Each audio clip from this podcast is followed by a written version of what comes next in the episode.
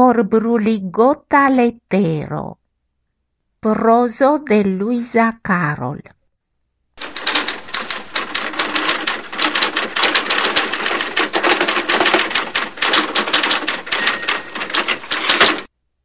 Varsovio, la decquinan de decembro 1917.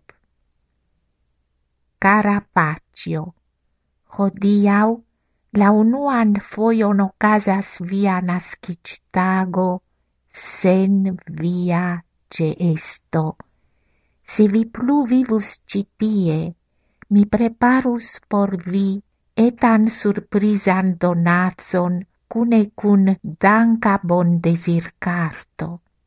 Sed vi loĝas nun en la transmondo. Tui post kiam mi finos tiun ĉi leteron, mi forgetos gin en la fairon de la cameno, porci gi aliformigiu en fumon. Mi esperas che tiel miai pensoi atingos vin en la nevidebla mondo de spiritoi, pri ciu foie babilis quelcai el viai gastoi. Ien mi taipas tivuin ci vortoin per via malnova taipilo ciun vi tiom amis.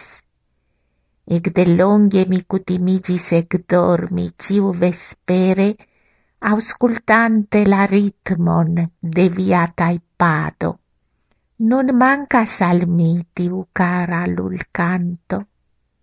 Ciu gine mancas al vi tie, quien vi translogigis? Ciu vi rememoras pacio ciom fiera mi estis ciam vi unuan foion permesis al mi taipi? Cai ciu vi rememoras che gis antau quelca iaroi mi veturigadis miain pupoin per la covrilo de tiu citaipilo?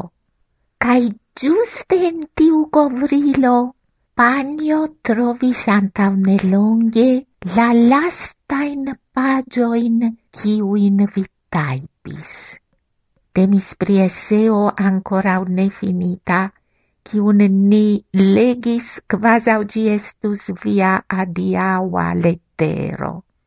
Mi neniam forgesos la confesson kiun vi faris tie vi scribis. Mi exentis che eble morto ne estas malapero, che existas iai legioi en la naturo, che io min gardas al alta celo.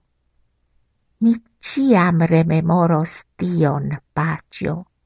Vi ne malaperis Via vivo estos por mi modelo cae inspiro. Mi promesas che mi ciam pluiros sur via bela voio, porque la tagoi de la homaro estu pli lumai.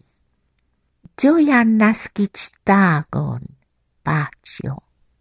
Tut core bracumas vin, via amanta filino, lydia